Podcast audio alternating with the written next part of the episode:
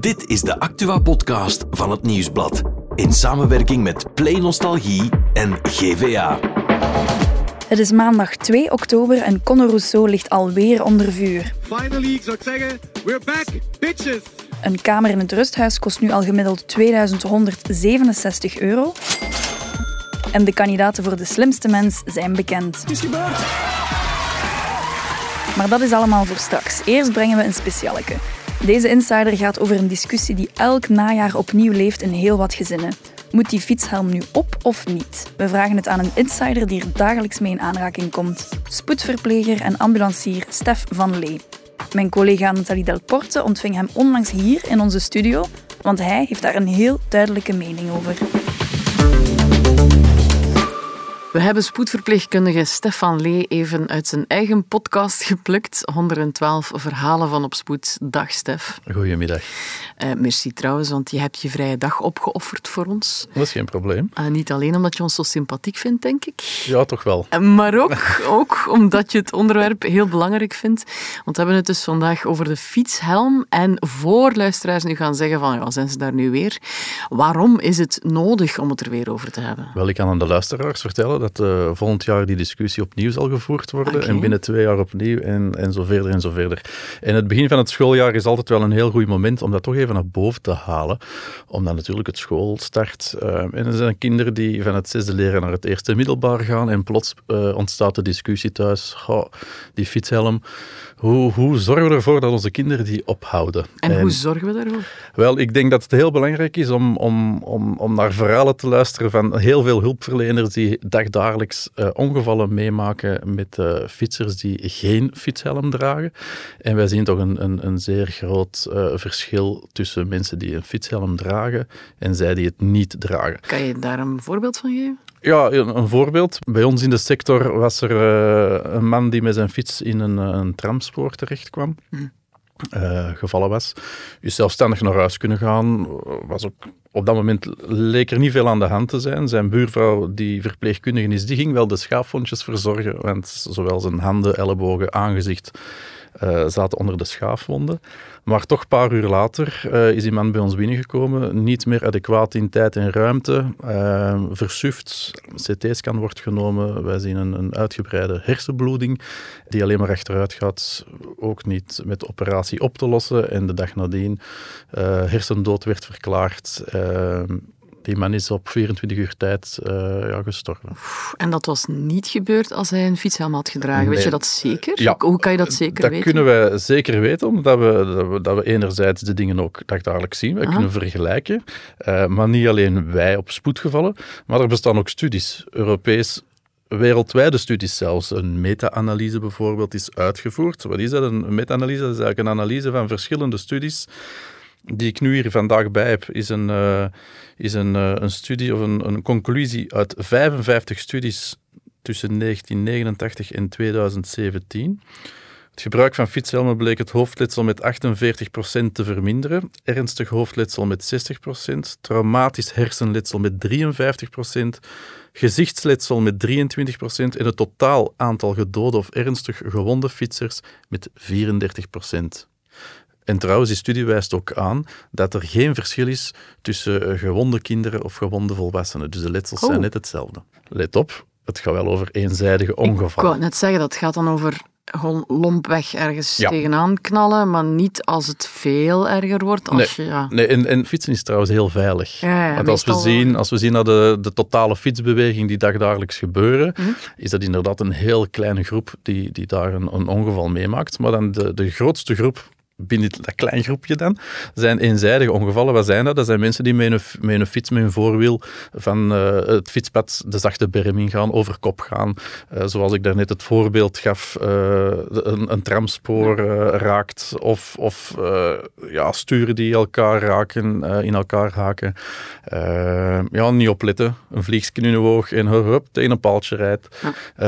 Het gaat niet over ongevallen, de, de fietser die op een steen door een vrachtwagen wordt gegrepen. Dan gaat die fietshelm uh, helaas ook niet te veel. een harnas dragen. Voilà. Uh, het gaat vooral over die eenzijdige ongevallen. En het is gewoon die metastudie, die, die, die wijst dat ook aan, dat uh, ja, een hersenletsel gewoon gereduceerd wordt bij het dragen van een fietshelm. En dat is, dat is op zwart op wit, wij verzinnen dat niet. Dan vermoed ik dat ik het antwoord op mijn volgende vraag al heel goed weet. Spannend. Stef, zouden we misschien een helmplicht moeten invoeren? Wel, dat moeten we nu eens niet aan mij vragen. Hè. dat moet je aan de politiek vragen. Uh, nu, vanuit spoedgevallendiensten en dergelijke zullen wij dat nooit uh, tegenspreken of, of, eerder nog wel gaan motiveren van naar een verplichting te gaan.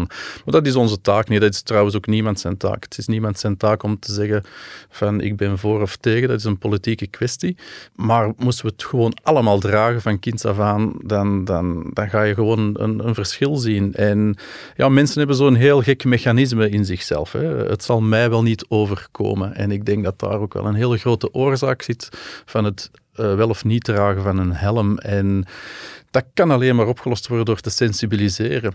Maar het is, het is iets dat je zelf kan beslissen. En, en je hoeft niet te wachten op een verplichting of op iemand die zegt: uh, je moet dat doen. Nee, zorg goed voor jezelf. Er zijn ook stemmen, misschien uit vrij onverwachte hoek, die niet pleiten voor een fietshelmplicht. Wies Kalles bijvoorbeeld, woordvoerder van de Fietsersbond, heeft er dit algemeen standpunt bij. Laat mij eerst eens even iets heel duidelijk maken. Wij zijn wel voorstander van het dragen van een fietshelm. Dus we zijn niet tegen die fietshelm. Waar wij wel en we staan daar ook helemaal niet alleen in. Waar we wel tegen zijn, dat is dat er een veralgemeende verplichting zou komen voor het dragen van de fietshelm. Dat wil zeggen dat je voor elke rit die je op gelijk welke fiets, ongeacht welke leeftijd, dat je voor elke rit, of dat dan nu 60 kilometer is, of dat dan nu 600 meter is, dat je dan eigenlijk altijd die helm zou moeten gaan dragen. Daar zijn wij tegen. De eerste reden is dat je uit buitenlandse studies heel duidelijk merkt dat, zeker bij het begin van het invoeren van een fietshelmplicht, dat je dan merkt dat er minder mensen gaan fietsen. En dat mensen dus terug overstappen naar minder duurzame, minder actieve mobiliteit. Lees dat ze terug in de auto gaan kruipen om naar de bakker te gaan om de pistolets te gaan halen op zondagmorgen, bij wijze van spreken. Dat is één reden. Een andere reden is ook dat je um, die fietshelm, die helpt heel fel voor eenzijdige fietsongevallen, zoals dat Hè. Ik bedoel, je bent aan het fietsen en je valt, of je bent verstrooid, of je rijdt tegen een paaltje, of je rijdt tegen een medefietser aan. Dat kan gebeuren. Als je dan op je hoofd valt, dan helpt die helm heel goed.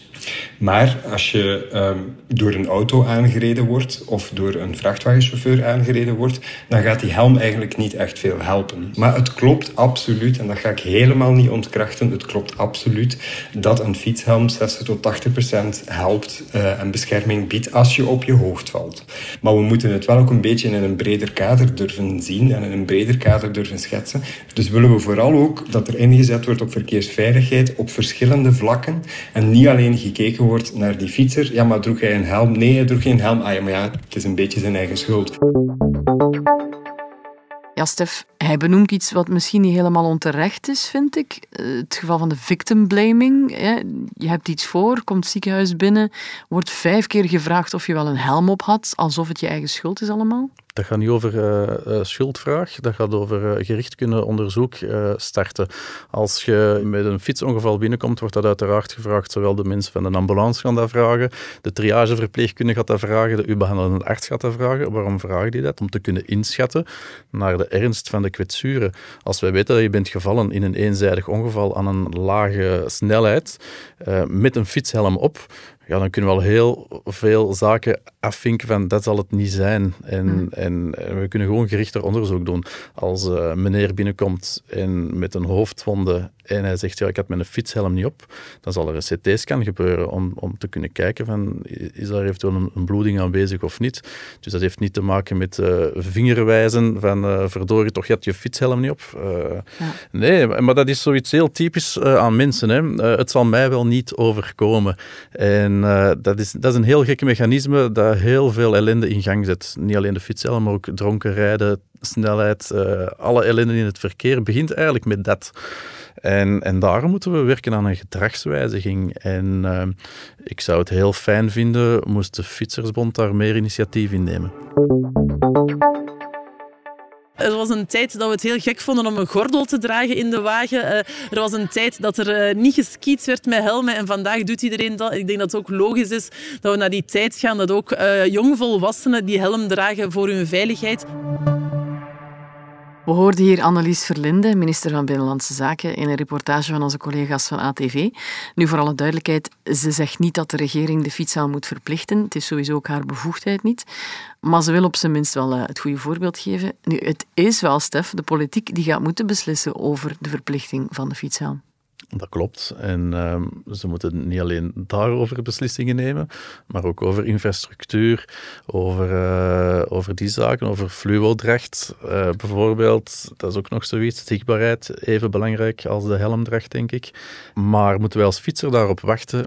Dat denk ik niet. Ik denk dat je gewoon voor jezelf moet zorgen en goed beseffen, als je op die fiets springt, heb je gewoon een, een, een verhoogd risico om ernstige kwetsuren op te lopen hm. zonder helm. We zien het echt te veel nog op spoed. Uh, en het is echt wel ellende. Hè? We praten vaak misschien te snel over de, de dodelijke afloop als mhm. je een helm niet op hebt. Maar er zijn zoveel voorbeelden nog van, van mensen met een NAH, een niet aangeboren hersenletsel. Ja, het leven verandert voor die mensen compleet. Hè. Dat zijn mensen die, die werken, en dat plots niet meer kunnen, die niet meer kunnen tellen tot tien. Uh, papa's die moeten geholpen worden door hun kinderen van 12, 13 jaar bij het eten, hmm. bij het aandoen van een jas, omdat ze het niet meer weten hoe dat, dat werkt allemaal. Mensen die terug moeten leren wandelen, gewoon functioneren zelfs, en, en niet meer aan werken toekomen. Ze. Het zijn dramatische verhalen die gewoon frequent eh, voorvallen. Ik kreeg gisteren nog een bericht van het traumacentrum uh, USA waar, waar ook een kind was binnengebracht dat uh, ja, gevallen was met de fiets zonder het dragen van de helm, een epiduraal hematoom, dus een, een bloeding uh, in de hersenen. En aantoonbaar door de studies dat dat had kunnen voorkomen worden door het dragen van een helm. En dan vind ik dat heel raar dat ik soms mama's zie fietsen met kinderen. Mm -hmm. De kinderen dragen allemaal schoon een helm en de mama niet. Hoe gaat je dan je kinderen op latere leeftijd motiveren? Ik wou net vragen, er is één heel moeilijke doelgroep. Dat zijn de kinderen die beginnen te puberen en die helm echt vaak niet hip vinden. Heb je een boodschap voor hen? Of hoe kunnen wij hen over de streep krijgen zonder met het vingertje weer te gaan zwaaien? Ik denk gewoon door van kinds af het voorbeeld te geven. Dan is dat niet raar, dan is dat niet gek, dan is dat niet onwennig. Waarom moet ik dat nu ineens opzetten? Hoe zit dat met jouw pubers? Ah, wel, mijn zoon, uh, ik, heb, ik heb drie exemplaren, maar de oudste die uh, zit uh, in het vierde middelbaar en die gaat met de helm naar school ja, die vindt dat normaal. Die, die stelt zich daar ook niet vragen bij. Ondanks de sociale druk, want in zijn klas, ik denk dat, ik denk dat ze maar van de 24 kinderen met twee of met drie zijn die, die een fietshelm dragen. Ah. Helaas uh, blijft hij dat wel doen. Merci, Stef van Lee. Graag gedaan. En wie meer van jou wil horen, 112 verhalen op spoed. Jouw podcast die je natuurlijk ook niet zomaar hebt gemaakt, hè? Nee, die heb ik gemaakt om de luisteraar te laten beleven dat uh, gezondheid niet vanzelfsprekend is en dat een ongeval in een klein hoekje schuilt. En laten we daarom die fietshelm dragen, dan komen we alvast niet terecht in dat hoekje. Nog over naar het andere nieuws van vandaag. Daarvoor is producer Bert bij ons in de studio komen zitten. Bert, ja, het gesprek met ambulancier Stef doet wel nadenken, hè? Ja, een beetje wel. Hè. Fiets jij ehm, met een fietshelm op? Niet altijd, ik moet eerlijk toegeven, niet altijd. Wel soms uh, met de koersfiets en zo, maar om nu naar de bakker zet ik hem ook niet altijd op. Maar ik moet nu wel zeggen, ik zat erbij toen Stef hier zijn uitleg aan het doen was en ik dacht ook wel soms van, oei, ja, hm, misschien toch wel vaker doen. Ja, oké. Nu, het nieuws vanochtend op nieuwsblad.be, onze website. Een rusthuiskamer kost nu al gemiddeld 2167 euro per maand. Dat is uh, een nieuw cijfer van het departement Zorg en dat is veel, hè? Dat is veel, dat is echt veel. Uh, ja, de prijzen lopen natuurlijk erg uiteen. Het is 1200 euro tot 5100 euro en daartussen zitten heel veel verschillende prijzen. 5100? Ja. Ja, ja, ja. Ik denk dat dat wel in de chicere uh, rusthuizen is. Maar in elk geval, wat wel opvalt, is dat die prijzen blijven stijgen. Dus 3 tot 4 procent duurder dan in januari van dit jaar. Um, dus ja, dat stijgt veel sneller dan de pensioenen van oude mensen. En de vraag is natuurlijk, wie kan dat op den duur nog betalen? Wordt dat niet stilaan onbetaalbaar voor mm -hmm. mensen die eigenlijk gewoon met een gewoon pensioentje moeten rondkomen? En wat was de conclusie? Ja, Herman Vonk van Okra, de ouderenvereniging, die stelt voor om ehm, mensen eigenlijk een vaste prijs te geven op het moment dat ze in een rusthuis binnenkomen. Meestal zitten die daar maar gemiddeld anderhalf jaar, dus zo'n lange termijn is dat ook niet. En dan weten ze tenminste waar dat ze aan toe zijn. Ja, oké. Om verder op te volgen en ook ja, een beetje hopen dat uh, tegen dat wij ooit in het rusthuis zitten, de prijzen getaald zijn. dat is nog lang. Dat is voor u sneller dan voor mij. Oh, denkt u dat? Ik ben wel nog jong en vitaal in mijn hoofd. Ja. ja. Ander nieuws. Ik zag ook dat Conor Rousseau alweer onder vuur ligt. Uh, wat is er daar aan de hand? Ja, ja, ja, deze keer omdat hij de publicatie van een artikel heeft tegengehouden uh, via de rechter, via een kort geding. Censuur dus? Ja, eigenlijk wel, ja. Um, het is een artikel van de collega's, concollega's van DPG. Uh, die hadden het PV te pakken gekregen rond racistische uitlatingen die Rousseau heeft gedaan kent dat verhaal. Hij was een avondje uit in Sint-Niklaas. Hij werd tegengehouden door de politie en hij had dan ja, een aantal uitlatingen gedaan en er is rond de Roma-gemeenschap. Voilà, er is een klacht gekomen. Um, nu, dat artikel dat zou vrijdag verschijnen, maar uh, Rousseau heeft dat tegengehouden via een rechter. En ja, nu is dat gewoon niet verschenen. Dus is een beetje de vraag, mag het nog verschijnen? Mag je dat eigenlijk tegenhouden? Grondwet-specialisten die zeggen dat mag helemaal niet. Uh, je kan niet zomaar een, een, artikel tegenhouden gewoon omdat het niet in je kraam past. Mm -hmm. Dus dat krijgt zeker nog een staartje. Ja, en ook slechte reclame, denk ik, hè, voor hem als politicus. Ja, ja, ja. ja. En natuurlijk, het is het een na het ander uh, voor Conor Rousseau. En dit geeft echt wel het gevoel dat hij dingen wil achterhouden voor het publiek. Dus als politicus is dat niet zo ideaal.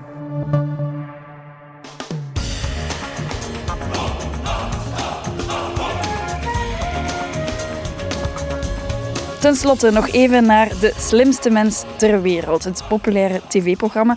Bert, alle deelnemers zijn bekend. Wie zit daar allemaal bij?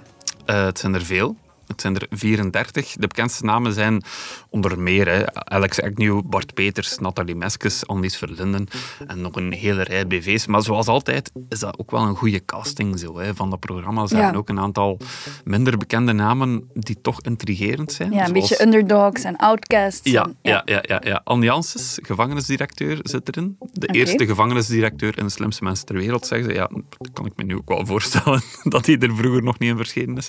Ook Joost Klein erbij, zo de Nederlandse mofketel slash uh, artiest, zanger. Ja, uh, ja, populair bij jongeren vooral. Hè? Ja, ja, ja, ja. Dus het is weer een bonte mix.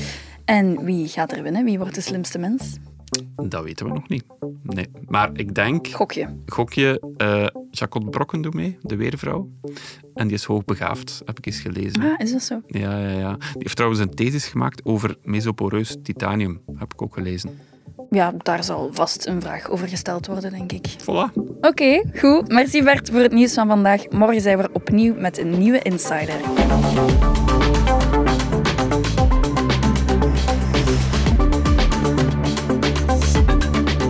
Dit was The Insider, een podcast van het Nieuwsblad in samenwerking met Play Nostalgie en GVA. De muziek is van Pieter Santens. De montage gebeurde door House of Media. Wil je reageren? Mail naar podcast.nieuwsblad.be